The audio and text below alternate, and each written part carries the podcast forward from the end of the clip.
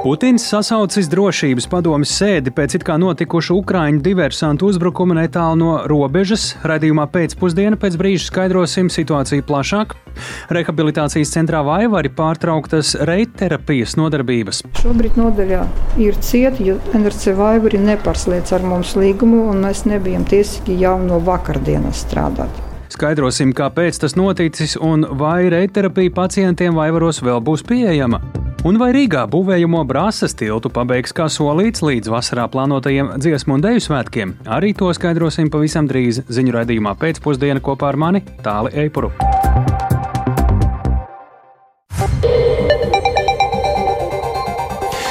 Pūkstens 16,5 minūtēs skan pēcpusdienas ziņu programma, skaidrojot šodien svarīgus notikumus. Studijā tālāk Eipors.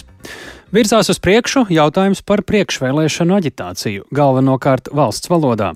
Saima šādus likuma grozījumus atbalstījusi pirmajā lasīmā un paredzēts, ka tie attieksies gan uz priekšvēlēšanu aģitācijas materiāliem, gan aģitāciju medijos, bet ne uz politisko spēku mājaslapām. Vairāk Jāņa Kīņča sagatavotajā ierakstā. Centieni apmaksātu priekšvēlēšanu aģitāciju pieļaut tikai latviešu valodā bijuši jau iepriekšējos saimnes sasaukumos. Pirms trīs gadiem šo ideju attīstībai par neatbalstīja, uzskatot, ka tā norobežo vēlētāju daļas iespējas iepazīties ar kandidātu teikto. Pašlaik viens no būtiskākajiem argumentiem šo grozījumu virzībai ir fakts, ka dažus gadus saimā ievēlētajiem politiskiem spēkiem būtiski pieaudzis finansējums no valsts budžeta. Tāpēc būtu neētiski šos līdzekļus izmantot aģitācijai ne valsts valodā, uzsver saimnes valsts valsts pārvaldes un pašvaldības komisijas deputāts Edmunds Jurēvits no jaunās vienotības. Pēc būtības visstingrāk ierobežojumi tiks attiecināti uz to aizliegts par valsts līdzekļiem, īpaši valsts līdzekļiem, kas tiek piešķirti no budžeta, aģitēt, apmaksāt Krievijas valodā. Tiks arī ierobežoti arī dažādas citas aģitācijas formas. Protams, tas neatiecās uz individuālu deputātu kandidātu komunikāciju vēlētājiem. Likumprojekta galvenā būtība ir tieši stiprināt valsts valodas lomu tajā aģitācijas formā, kas ir par naudu. Ar likuma grozījumiem rosināts noteikt, ka prasība par valsts valodas lietošanu attiecas uz aģitācijas materiāliem raidošajos medijos un presē, kā arī reklāmām publiskās vietās. Izņēmumi būtu informācijas izklāsts politisko partiju un to apvienību tīmekļa vietnēs, kā arī saziņā sociālos tīklos. To saimnes debatēs uzsvēra Nacionālās apvienības līderis Raivis Dzintars. Tātad eh, paši kandidāti savā Facebook lapās tiekoties ar iedzīvotājiem, runāt kaut vai senajā ķeltu valodā, rakstīt ziņu lentās, kaut vai hieroglifiem. Tas viss ir atļauts, kamēr tas neskar šo oficiālo limitēto kampaņas sadaļu.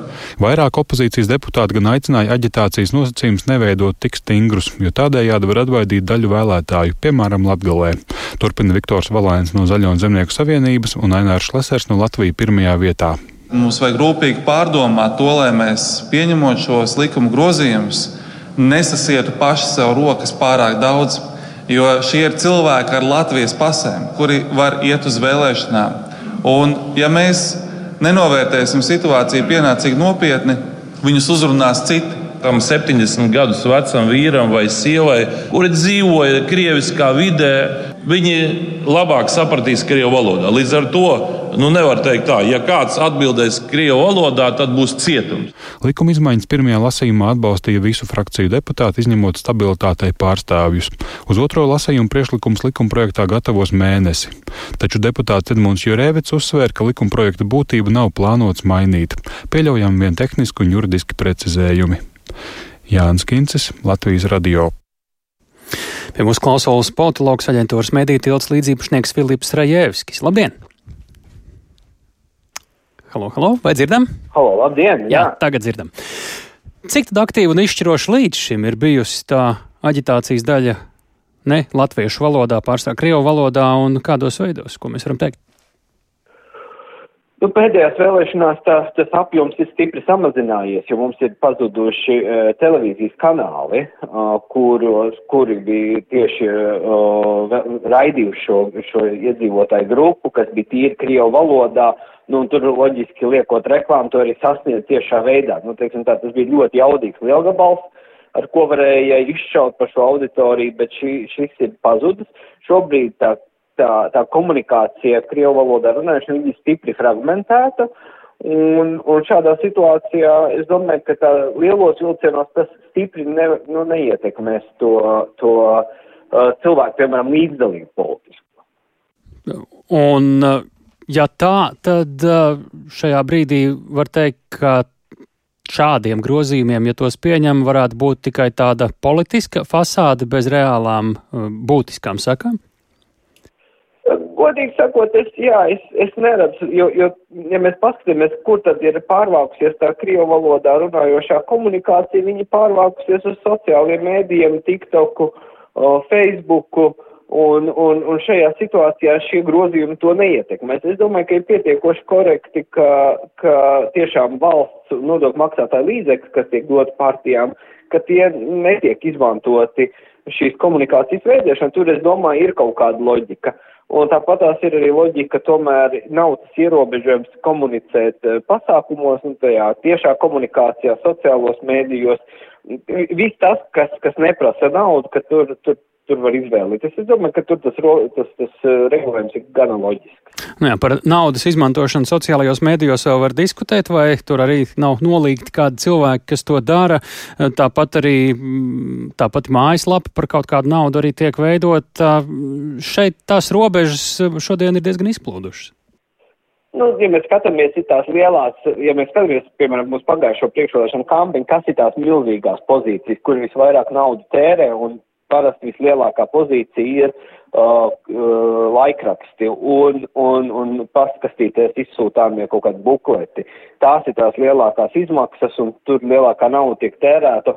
Un tas, es domāju, pat atvieglos ļoti daudziem, jo pietiekoši daudz partijas arī interesējās par šo vēlētāju, tad nevar saprast, kā darīt divas vienu krievisku, vienu latvisku vai vienā divās valodās, nu kā tur to visu darīt? Es domāju, ka zināmā mērā tas šīm partijām atvieglo situāciju, ka šīs avīzes un tie izdevums materiāli, ja izsūtāmie materiāli būs vienā, vienā, vienā valodā, un šajā gadījumā tas, ka tas ir latviešu valoda, tas tikai atkal loģiski, jo nu, tur ir lielākā valsts uh, naudas uh, tērēšanas pozīcija.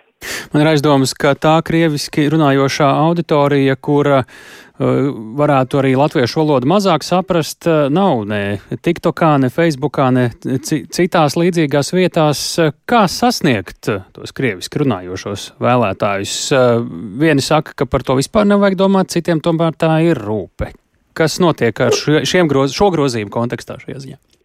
Ziniet, man liekas, ka tie, kas par to rūpi ļoti daudz runā, uh, viņi drusku liekuļo, jo, jo būtībā mums ir ļoti neliels cilvēku skaits valstī, un šo cilvēku grupa, pa kuru jūs runājat, viņi vēl mazāka, un viņus var sasniegt praktiski aizbraucot pie viņa un ar viņu aprunājoties. Un Latvijā, ja mēs paskatāmies arī vēlēšana kampaņas, visefektīvākās kampaņas, ja tur, kur cilvēki reāli dzīv, dzīv, dzīvajā tiekās ar uh, saviem vēlētēm, tas strādā vislabāk un tad to arī viņi var uzrunāt viņam pieņemamā valodā, un tad, kad uh, sāk, sāk uh, lobēt to, ka vajag taisīt mums uh, mēdījos kampaņu Krievu valodā, man bail, ka arī caur mēdījiem varētu būt sarežģīti šos cilvēkus sasniegt. Viņi pietiekoši izolētā vidē, tāpēc labākais ir tikties ar viņiem, braukt pie viņiem, runāt, un, un, un tas arī būs vislabākais efekts. Lielas paldies! Politologs aģentūras mediju tilts līdzīpašnieks Filips Rajevskis. Tātad nesaskatot būtiskus riskus šajā situācijā. Bet šodien Reizeknes novada doma ir lēmusi par divu novada skolu un divu bērnu dārzu reorganizāciju, kā arī par liepu skolas slēgšanu lai arī izvērtās diskusijas eh, deputātiem par Dekšāru pamatskolas pievienošanu Viļānu vidusskolai. Eh, atgādinām, šogad eh, Dekšārais nebija 9. klases, bet visā skolā ir 30 skolēnu. Reizeknas novacs ir domājis arī, kā saglabāt skolas un bērnu dārzus ilgāk, taču demografiskās situācijas pedagoģu trūkuma un valdības prasību dēļ pašvaldībām skolas, diemžēl, arī ir jāslēdz vai jāreorganizē. Komentē Reizeknes novada domas priekšsarātais Monvīts Švarts no apvienotā saraksta jaunā vienotība kustība par Latgales partiju. Deputātiem jāpieņem arī šādi nepopulāri, ļoti nepopulāri lēmumi attiecībā par mūsu kādas iestādes slēgšanu, bet kas ir datos un argumentos balstīts lēmums. Mēs katrs gribētu būt kā saka, labs, populārs un kaut kādā mērā pat iespējams atturēties. Ir bijusi pieredze arī iepriekšējā periodā, kad uz šādām domas sēdēm bija deputāti, kas vienkārši neatnāca. Šodien mēs redzam, mēs visi 19 esam šeit zālē, lai šādu arī nepopulāru lēmumu izskatītu un pieņemtu. Bet tas uzsvars, uz kuru mēs arī aicinājām darba grupu, tātad absolūti izvērtēt objektīvi parametrus, kas saistās ar mūsu skolēnu, mūsu bērnu izglītības kvalitāti, izglītības pieejamību un, protams, viennozīmīgi arī resursu efektīvu izmantošanu. Tā Monovīts Švarts, Rēzeknas novada domes priekšsēdētājs, bet ja pārējās izglītības iestādēs eh, šajā novadā turpinās darbu, vien būs mainīts to status, tad, kā jau dzirdējām, nelielo liepu pamatskolu Rēzeknas novada Ozolainas pagastā līdz ar šī mācību gada beigām slēgs pavisam. Tur paviesojās Iveta Čigāni. Liepu pamatskola, kas nu jau 14 gadus ir Maltas vidusskolas struktūra vienība, atrodas starp Rēzekni un Maltu. Bijušās mūža sēka ar lielu parku izbūvēta nomaļus no apdzīvotās vietas Bekši. Klusa, skaista vieta, ko vietējie iedzīvotāji bija cerējuši saglabāt kā nelielu lauku skoliņu. Vietējā iedzīvotāja Natālija atzīst, ka tagad cerību vairs nav un viņas bērniem no nākamā mācību gada būs jāapmeklē skolas Rēzeknē. Cik bērni jūs liekat skolā? Četras meitas. Divas mācās 9. klasē, viena 8. ies uz 9. klasi un viena 4. klasē ies uz 5. Ko jūs darīsiet? Nu, iesim laikam uz Rezeknes skolu. Kāpēc ne uz Maltu? Nu, mums nav vērti, jo no Rezeknes tā mācīsies arī Arotvidu skola veica, kas meitenes. Man ir tā, lai mazu paņem no turienes, nevis no šejienes, Maltas negribas. Liepu skolai tuvākās ir Rēzeknes pilsētas skolas un Rēzeknes novada Maltas vidusskola. Maltas vidusskolas direktore Vinera Dimpere, izrādot skolu, stāsta, ka pašlaik vidusskolā ir 544 audzēkņi, taču visdrīzāk, pēc liepu skolas slēgšanas liela daļa izglītojamo un viņa vecāku tomēr izdarīs izvēli par labu pilsētas skolām. Labi bija līdz tam brīdim, kamēr pietrūka skolotāju. Skolotāji vienkārši pārgāja strādāt uz citām iestādēm, pilsētā, tuvāk dzīves vietai. Ja, šobrīd skolā ir tikai trīs skolotāji no pamatsastāva, visi pārējie ir eh, vai nu studenti, vai nu pensionāri, pieaicinātie. Šajā vasarā bija ļoti grūtības ar skolotājiem. Ja. Problēma atkal ir arī tā, ka Liepu pamatskolā ir maz skolēnu, un īpaši tas ir saistīts ar sākuma skolu, ja, jo šobrīd pirmajās, ceturtajās klasēs un uz nākošo mācību gadu būtu tikai 14 skolēni, un īstenībā ļoti daudzi skolēni ir arī no speciālajām programmām, un tur ir arī problēma ar klašu apvienošanu, ja ir bērni ar speciālajām programmām. Līdz ar to tas vienkārši fiziski vairs nav iespējams. Reizeknes novadā kopš 2009. gada reorganizētas teju 40 skolas, taču, kā atzīst Reizeknes novada izglītības pārvaldes vadītājs Guntars Skudra, šis process balstoties uz noteiktiem izvērtēšanas noteikumiem turpinās arī pašlaik. Mēs apvienojam, kā jau to esam darījuši arī iepriekš. Pirmskolas izglītības iestādes, Audriņa pirmskolas izglītības iestādes, Rūžāna pirmskolas izglītības iestādes, Vaniņš un Bricāna pirmskolas izglītības iestāde. Guntars Skudra piemetina, ka bērnu dārzi tiek likvidēti kā autonomās izglītības iestādes, bet fiziskā to atrašanās vieta paliek nemainīga. Savukārt no skolām pilnībā slēgta tiks tikai Liepu pamatskola, kuru nākamajā gadā apmeklētu 52 izglītojamie, un tikai 12 no tiem ir Rezeknes novadā deklarētie skolēni. Šobrīd ir mums trīs izglītības iestādes, kas ir šobrīd pakļautas šim skolu izvērtēšanai, un arī sagatavoti lēmumu projekti attiecībā par Lūcijas Rancānes Makašāna amatu vidusskolas reorganizāciju par Lūcijas Rancānes Makašāna amatu pamatskolu. Nākošais ir Dekšāra pamatskola, kā Dekšāra pamatskola tiek likvidēta, bet šīs programmas tiek pievienotas eh, un veidotas struktūra vienība pie Viļānu vidusskolas. Un eh, nākošais ir Liepa pamatskola. Tā jau ir juridiski jau likvidēta 2009. gadā. Līdzīgus lēmumus par skolu likvidāciju vai reorganizāciju pieņem vairākas Latvijas pašvaldības, tostarp Preļu un Krāslavas novadā. Iveta Čigāne, Latvijas radio studija Latgalē. Nacionālajā rehabilitācijas centrā Vaivari uz laiku pārtrauktas reiterapijas nodarbības. Iemesls februāra beigās ir beidzies līgums ar pakalpojumu sniedzēju SIA reiterapija, bet jauna līguma šobrīd vēl nav. Šodien abas puses pārunās atrad, ir kā, atradušas nosacītu kompromisu. Rehabilitācijas centrs sola, ka reiterapija pacientiem būs pieejama arī turpmāk. Tomēr SIA reiterapija vadība saka, ka samaksa, ko rehabilitācijas centrs gatavs maksāt par pakalpojumu nekādi neatbilst patiesajām izmaksām. Zanēniņa devās uz Vaivariem. Kāda sieviete kopā ar zēnu ierodas pie arēnas, kas atrodas netālu no Nacionālā rehabilitācijas centra Vaivari un kurā parasti notiek reiterapijas nodarbības. Pie durvīm viņu sagaida sijā reiterapija vadītāja Olga Bērziņa. Sakiet, lūdzu, vai jums, jūs esat informēti, ka šodien reiterapijas nodarbības nav? Nē. Nē, esat informēti. Šobrīd nodaļā ir cieta, jo NRC Vaivari nepārslēdz ar mums līgumu, un mēs nebijām tiesīgi jau no vakardienas strādāt. Pēc Algas Bērziņas teiktā, šis zēns ir viens no 24 bērniem, kuriem šodien nodarbības atceltas. Iemesls - Nacionālais rehabilitācijas centrs Vaivari ar SIA reiterapiju nav noslēdzis jaunu līgumu. Iepriekšējais beidzās 28. februārī, taču, kā stāsta stāsta Olga Bērziņa, pārunas par jauno līgumu nesevišķi sekmīgi risinātas jau kopš gada sākuma. Domstarpības radušās, jo rehabilitācijas centra valde nav bijusi gatava maksāt par pakalpojumu dārgāk, taču izmaksas ievērojami augušas. Turpina Olga Bērziņa. Ja jūs varat uh, pabarot zirgus, jums jānopērk siena. Sienas ir tāda maksa, kāda viņam ir. Piegadas maksa ir tāda, kāda viņam ir. Vai arī lūdzu? Pastrādājot, izdomājot kaut ko, lai tā cena mazinātu. Man kas jāprasa šobrīd sienas piegādātiem, lai viņi tieši mums noliks zemāku cenu. Pēc CRA terapijas vadītājas teiktā, rehabilitācijas centrs sākotnēji bijis gatavs maksāt tikai 20 eiro par vienu nodarbību, taču patiesās izmaksas esot vismaz 50 eiro.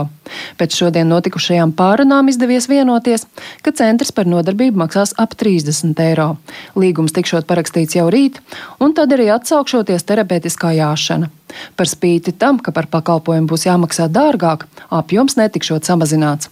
Pauda Nacionālā rehabilitācijas centra Vaivari valdes priekšsēdētājas pienākumu izpildītāja Margarita Permane. Protams, mēs skatīsimies uh, uz uh, nosūtījumiem, kādus pacientus sūta un kādus ne, bet tāpat laikā mēs domājam, plānojam to, ka uh, mēs to apjomu nesamazināsim. Mēs nu, tādā veidā centīsimies nesamazināt, jo mēs esam panākuši to vidusceļu starp, nu, teiksim, nav tik sadārcināts, kā tas bija piedāvājumā. Lai nodrošinātu reiterapijas pakalpojumus valsts lielākā rehabilitācijas centra pacientiem, SIA reiterapija uztur sešus zirgus un algo septiņus darbiniekus, kā arī maksā par veterinārāsta pakalpojumiem, ja nepieciešams. Zana Eniņa, Latvijas radio.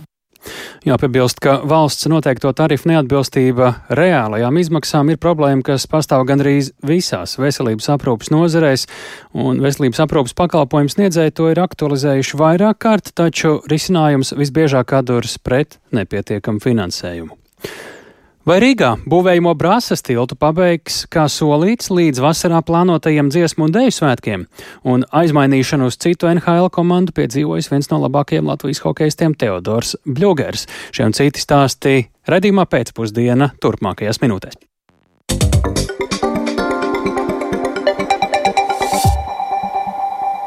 Pēc uzbrukuma, ko Ukrāņu diversanti it kā veikuši vismaz vienam ciematam Krievijā Brjānskas apgabalā netālu no robežas ar Ukrainu. Prezidents Putins sasaucis drošības padomjas sēdi. Par to vēsta Krievijas propagandas mediji. Tomēr oficiāla apstiprinājuma pagaidām par gaidāmo sēdi nav. Šobrīd esam tiešraidē sazinājušies ar kolēģi Rihardu Plūmi. Viņš ir gatavs par jaunumiem no Krievijas stāstīt arī sīkāk. Lūdzu, Rihard, cik daudz par šo ir skaidrības un cik daudz nav skaidrības arī?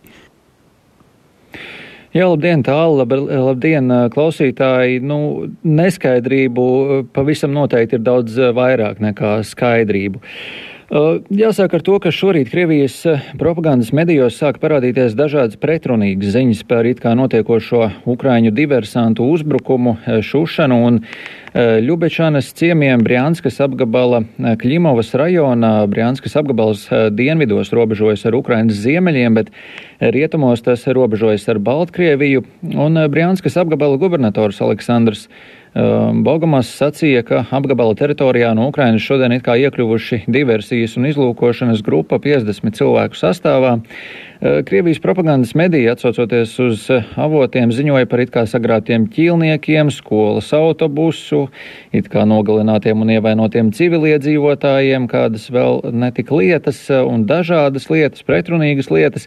Tikmēr Krievijas federālais drošības dienests ziņoja, ka tiekot veikti pasākumi, lai iznīcinātu bruņotos Ukraiņu nacionālistus, kas it kā pārkāpuši valsts robežu. Vēlāk jau Telegram lietotnē tika izplatīts video materiāls, kurā redzamas divas militārajās formās, tostarp ar dzeltenām lentēm tērptas personas, kas stāv pie Ļubečanas medicīnas un dzemdību ēkas. Video publicējis ir Krievijas brīvprātīgo korpus, kas ir 2022. gada augustā izveidota Krievu brīvprātīgo vienība, kura karo Ukrainas pusē. Un šīs te video redzamās personas norāda, ka iekļuvušas apgabalā, lai aicinātu Krievijas iedzīvotājus sacelties un stāties pretī Putina režīmam. Personas apgalvoja, ka neuzbruk civiliedzīvotājiem un mediju atspoguļojums par diversantu grupu esot meli. Vairāki Krievijas propagandas mediji vēsta, ka ir sasaukta drošības padomas ārkārtas sēde, taču oficiāli apstiprinājuma tam nav, un Krievijas prezidenta Vladimira Putina preses sekretārs Dmitrijs Peskovs sacīja, ka šāda sēde ir plānota nevis šodien, bet tāda esot plānota rīt. Peskovs gan minēja, ka Kremļa saimnieks ir atcēlis šodien braucienu uz Stavropolis apgabalu, kur viņam bija paredzēts piedalīties kādā pasākumā. Propagandas mediji arī vēsta, ka Putina brauciens atcelts tieši šo notikumu dēļ Brānskas apgabalā. Un, kā sacīja Kremļa runas vīrs Peskovs žurnālistiem, tad Putins saņemot pastāvīgus ziņojumus no drošības iestādēm par situāciju Brānskas apgabalā, un vēlāk Putinu citēja propagandas mediji, norādot, ka Kremļa saimnieks notiekošo Brānskas apgabalā ir nodēvējis par terora aktu un ka tur esot darbojušies it kā neonacisti. Tāli. Nu jā, līdz šim uh, Ukraina par uh, dažādiem uh, uzbrukumiem Krievijas teritorijā, gan dronu, gan uh, vēl citādiem, ir bijusi vai nu uh, tāda daudznozīmīgos izteikumos rotājusies, vai arī klusējusi. Ko par šīm ziņām un vai kaut ko par šīm ziņām ir teikusi Ukraina? Jā, tā taisnība. Un, nu, šoreiz Ukrainas prezidenta biroja vadītāja padomnieks Mihailo Podoļaks ziņas par šo te Ukraiņu sabotāžu grupējumu, kas it kā iekļūst Brianskas apgabalā, nosauc par klasisku provokāciju. Twitterī viņš ierakstīja, ka Krievija vēlas nobiedēt savus iedzīvotājus, lai attaisnotu uzbrukumu citai valstī un arī pieaugušo nabadzību Krievijā gadu pēc kara. Tajā pašā laikā Podaļaks mudināja Krievus baidīties no saviem partizāniem, sakot, ka partizānu kustība Krievijā kļūstot ar vien spēcīgāka un agresīvāka. Eh, arī Ukrainas armijas pulkvedis Anatolijas Štefans pauda pārliecību, ka tā ir operācija Ukrainas armijas diskreditēšanai, bet Odesas kara administrācijas pārstāvis Serhijas Bračuks izteicies, ka gadījumā, ja kaut kas no ziņotā ir noticis, tad visdrīzāk šīs personas ir no frontes dezertējušie Krievu karavīri. Jāmin arī tas, ka nesen Ukrainas armijas ziemeļu daļa brīdināja par tehnikas un militāru personu kustību Krievijas teritorijā pie Ukrainas robežas un iespējamām provokācijām. Toreiz esot manītas arī personas, kas tērpušās Ukrainas karavīriem līdzīgās formās, vai tam ir kāda saistība, grūti Eh, pateikt. Eh, nešķiet, ka notikušais kaut kā varētu eskalēt karu, drīzāk parādīt Krievijas iedzīvotājiem šī, šos te it kā pastāvošos draudus no eh, Ukraiņiem un rietumiem. Un jāsaka arī tas, ka ir daudz neskaidrību par patiesajiem notikumiem Brānskā šodien, jo paši Krievu propagandas mediji, kā jau minēja, vēsta dažādas lietas. Nav skaidrības arī par šo Krievijas brīvprātīgo korpusu publicēto video un tā patiesumu. Jau tiek norādīts, ka video redzamajām personām, piemēram, ir uzvilkti pilnīgi tīri formas stērpi, un tā it kā tas būtu noticis neilgi pirms video filmēšanas. Tādēļ skaidrība patiešām nav diezgan liela izskanējušas arī versijas, ka Ukraina par šiem te notikumiem īsti nemaz nesot informēta un izskatās, ka Krievija ir daudz sīkāk informēta par to, kas tad ir noticis Brānskas apgabalā. Tādēļ vēl jau vairāk šķiet, ka notikušais varētu būt inscenējums un vērsts uz Krievijas sabiedrību un to, lai parādītu ka Ukraiņi šobrīd aktīvāk apdraud Krieviju. Tāli. Jā, tiešām skatoties šos fotoattēlus, tiešām radās tāds jautājums par aizdomīgi tīriem formas tērpiem, kas varētu tādi nebūt, kamēr diversanti kaut kādā veidā atceļo no Ukrainas. Bet sakām paldies Rihardam Plūmēm un dodamies tālāk pie tematikas, kas arī ir cieši saistīta ar Krievijas iebrukumu Ukrainā. Spriedzi, ko tas ir radījis, nepārprotami ir ietekmējusi pasaulē 20 ekonomiski attīstītāko jeb G20 valstu ārlietu ministru tikšanos. Tā šodien notika Indijas galvaspilsētā Delī. Spriedzes mazināšanai nespēja līdzēt arī Indijas premjerministra Narendras Modī mudinājums ārlietu ministriem likt malā savas domstarpības. Valstīm neizdevās vienoties par kopīgu sanāksmes noslēgumu dokumentu, jo pret to iebilda Ķīna un Krievija. Turpina Rustams Šukurovs. Indija vēlējusies, lai šogad samita laikā jautājums par karu Ukrainā neaizainotu citas tēmas, piemēram, klimata pārmaiņas un trešo pasaules valstu parādi. Taču Krievijas izraisītais karš Ukrainā līdz šim ir dominējis samita norises darba kārtībā. Indijas premjeras G20 valstu ārlietu ministriem adresētajā video uzrunā ir mēģinājis tos aicināt uz vienotību arī citu globāla rakstura problēmu risināšanā. Pasaule sagaida no G20, ka tā spēs atvieglot izaugsmes, attīstības, ekonomiskās noturības katastrofu, finansiālās stabilitātes, starptautiskās noziedzības, korupcijas, terorisma, pārtikas un enerģētikas drošības izaicinājumus. Visās šajās jomās G20 spēja panākt vienprātību un sasniegt konkrētus rezultātus. Tikmēr ASV valsts sekretārs Antonijs Blinkens diplomātu sanāksmē, kurā piedalījās arī Krievijas ārlietu ministrs Sergejs Lavrovs, pieprasīs no Maskavas, lai tā slēdz jaunu vienošanās Ukrainas graudu eksporta atjaunošanai. Blinkens uzsvēra, ka Krievija apzināti palēnina no Ukrainas ostām izējošo kuģu inspekcijas, līdz ar to veidojot to kuģu sastrēgumus, kuri varētu nodrošināt pasauli ar pārtiku jau šodien. Neskatoties uz to, ka Blinkenam ar Krievijas ārlietu ministru nebija paredzēta divpusējā tikšanās, tomēr īsas abu diplomātu pārunas ir notikušas. Kā vēsta aģentūra AFP, Blinkens sarunā ar Lavrovu apstiprināja ASV apņemšanos atbalstīt Ukrainu, kā arī mudināja Krieviju atcelt savu lēmumu izbeigt līdzdalību strateģisko uzbrukuma ieroču samazināšanas līgumā New Start. Lavrovs savukārt izteicies, ka rietumi sanāksmi izmantojuši, lai censtos parādīt Krieviju kā grēkāzi savās neveiksmēs. Sanāksmes valstis nespēja vienoties par kopīgu noslēgumu paziņojumu, jo Ķīna un Krievija atteicās atbalstīt tekstu, kurā pieprasīta Krievijas pilnīga un beznosacījuma aiziešana no Ukrainas teritorijas. Rustams Šukurovs, Latvijas Radio.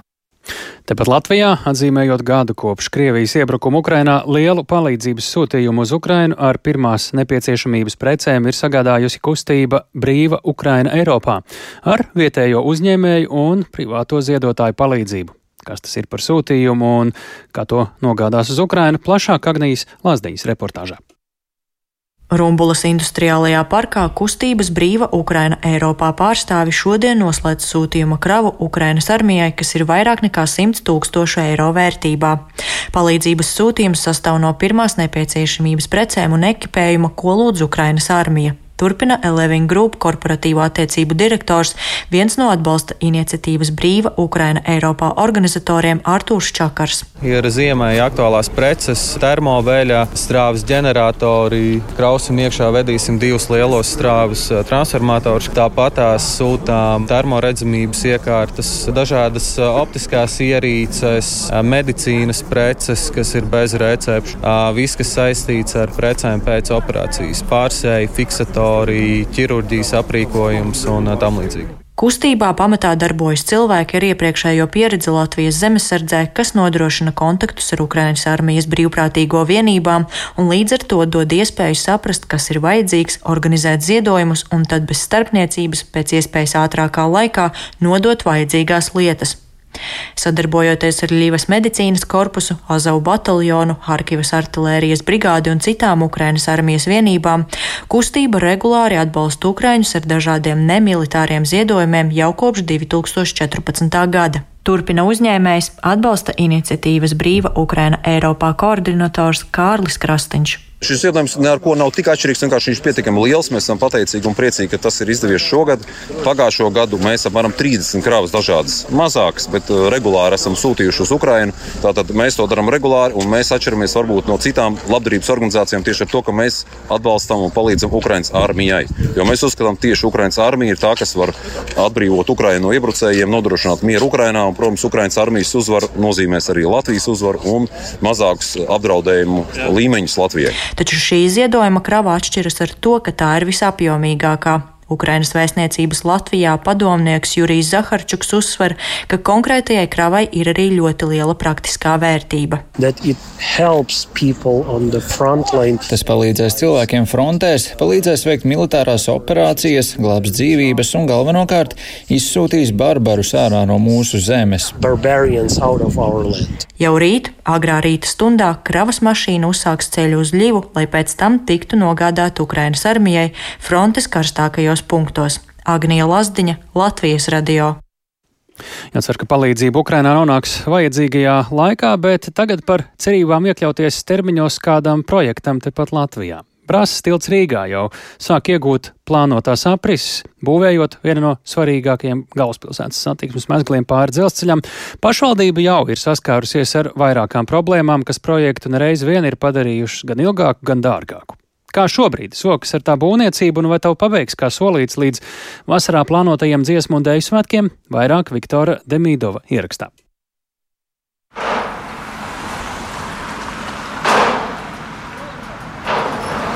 Vismaz dažus simtus metrus garajā posmā starp vairākiem kapiem un miera un upes ielas krustojumu ikdienu var pamanīt brasas tilta aktīvu būvniecību. Pārvads šķiet iegūst vēlamās aprises. Tai konstrukcijas daļai, kas atrodas virs dzelzceļa sliedēm, ir izveidots koka karkas. Savukārt virzienā uz meža kapiem vismaz vienā tilta pusē var pamanīt daudzus zemē iespraustus stieņus, kas iespējams parāda tilta gabarītu gabarītus.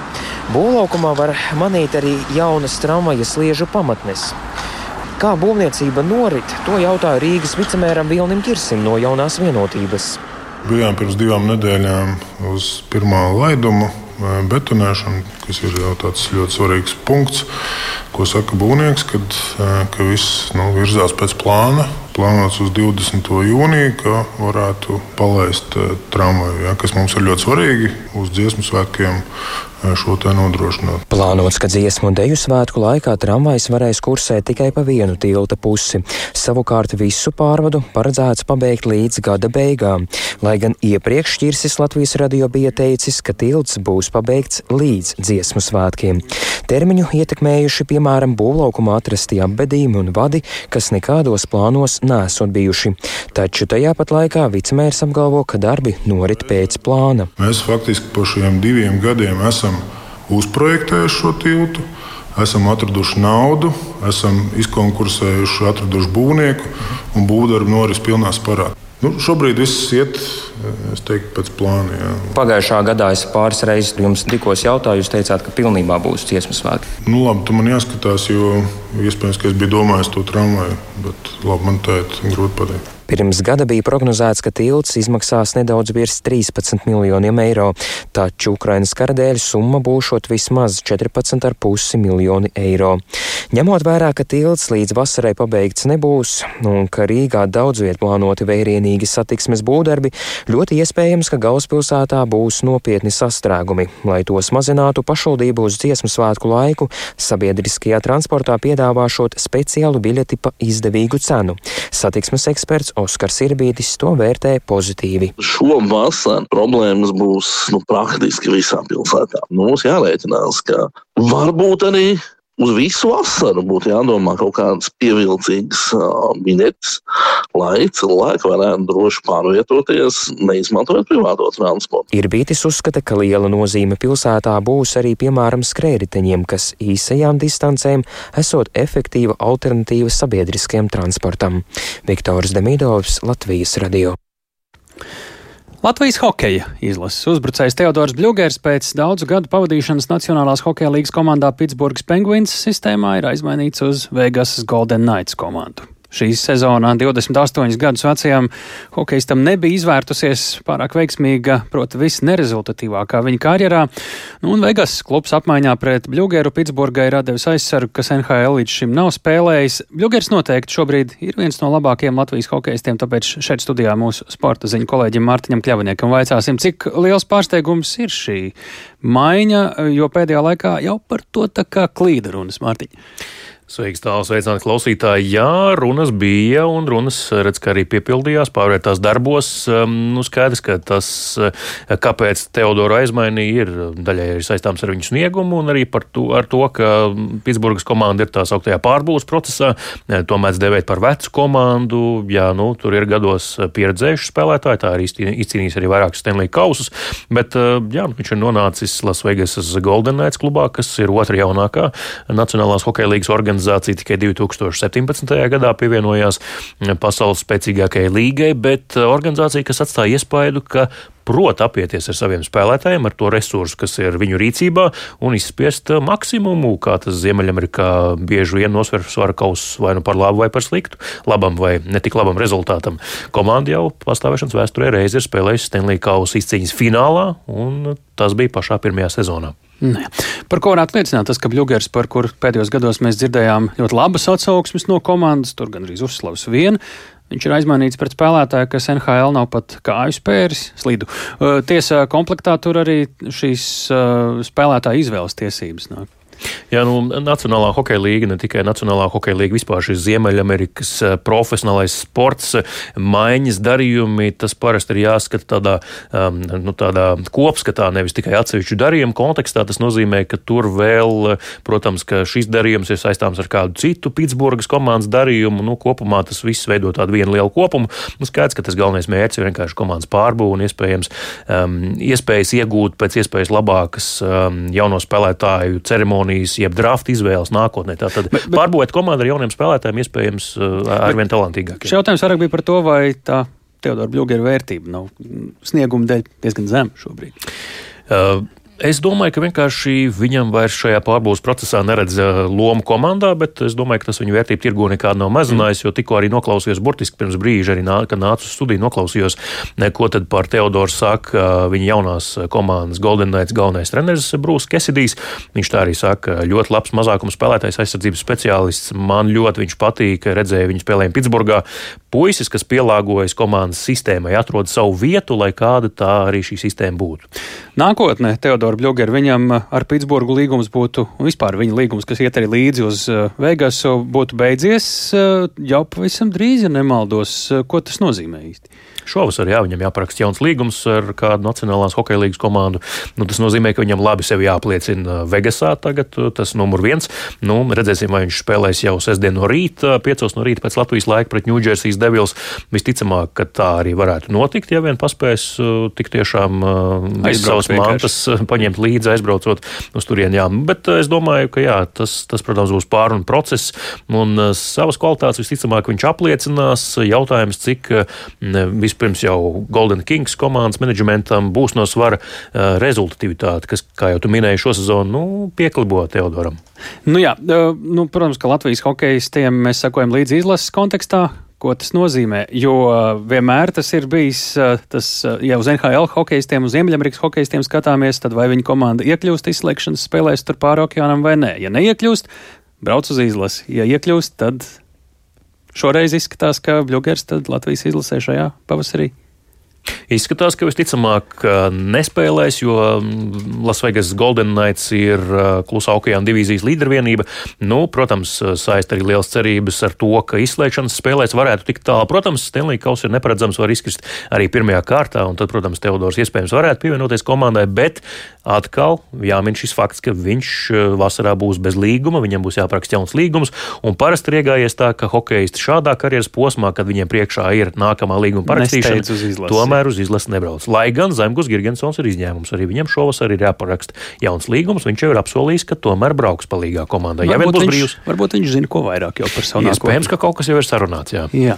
Nu, šāda pārvākšanās mums vēl kāds pusminūte laika ir. Ko tas vispār nozīmē? It īpaši tad, kad tu esi desmit vai vairāk gadus vienā komandā nospēlējis. Nu, iedzīvus skaidrs, ka viņam ir Pitsburgā. Cik es zinu, tad viņš tur dzīvoja dzīvoklī, visas mācības jāsavāc, jāpārvācas. Bet um, Nacionālajā hokeja līgā par to esot atbildīga komanda, kas tevi uzņem. Tātad šajā gadījumā Lasvegas komanda.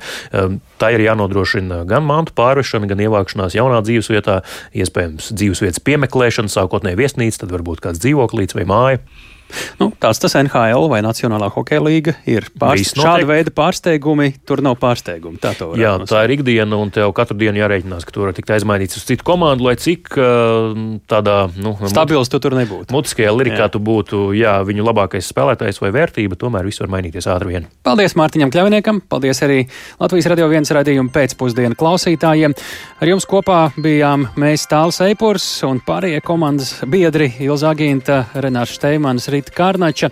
Mēs, protams, atgādinām, ka šo raidījumu varat ieteikt arī citiem vai paši vēlāk noklausīties Latvijas radio mobilajā lietotnē vai citās straumētavās. Tiekamies rīt!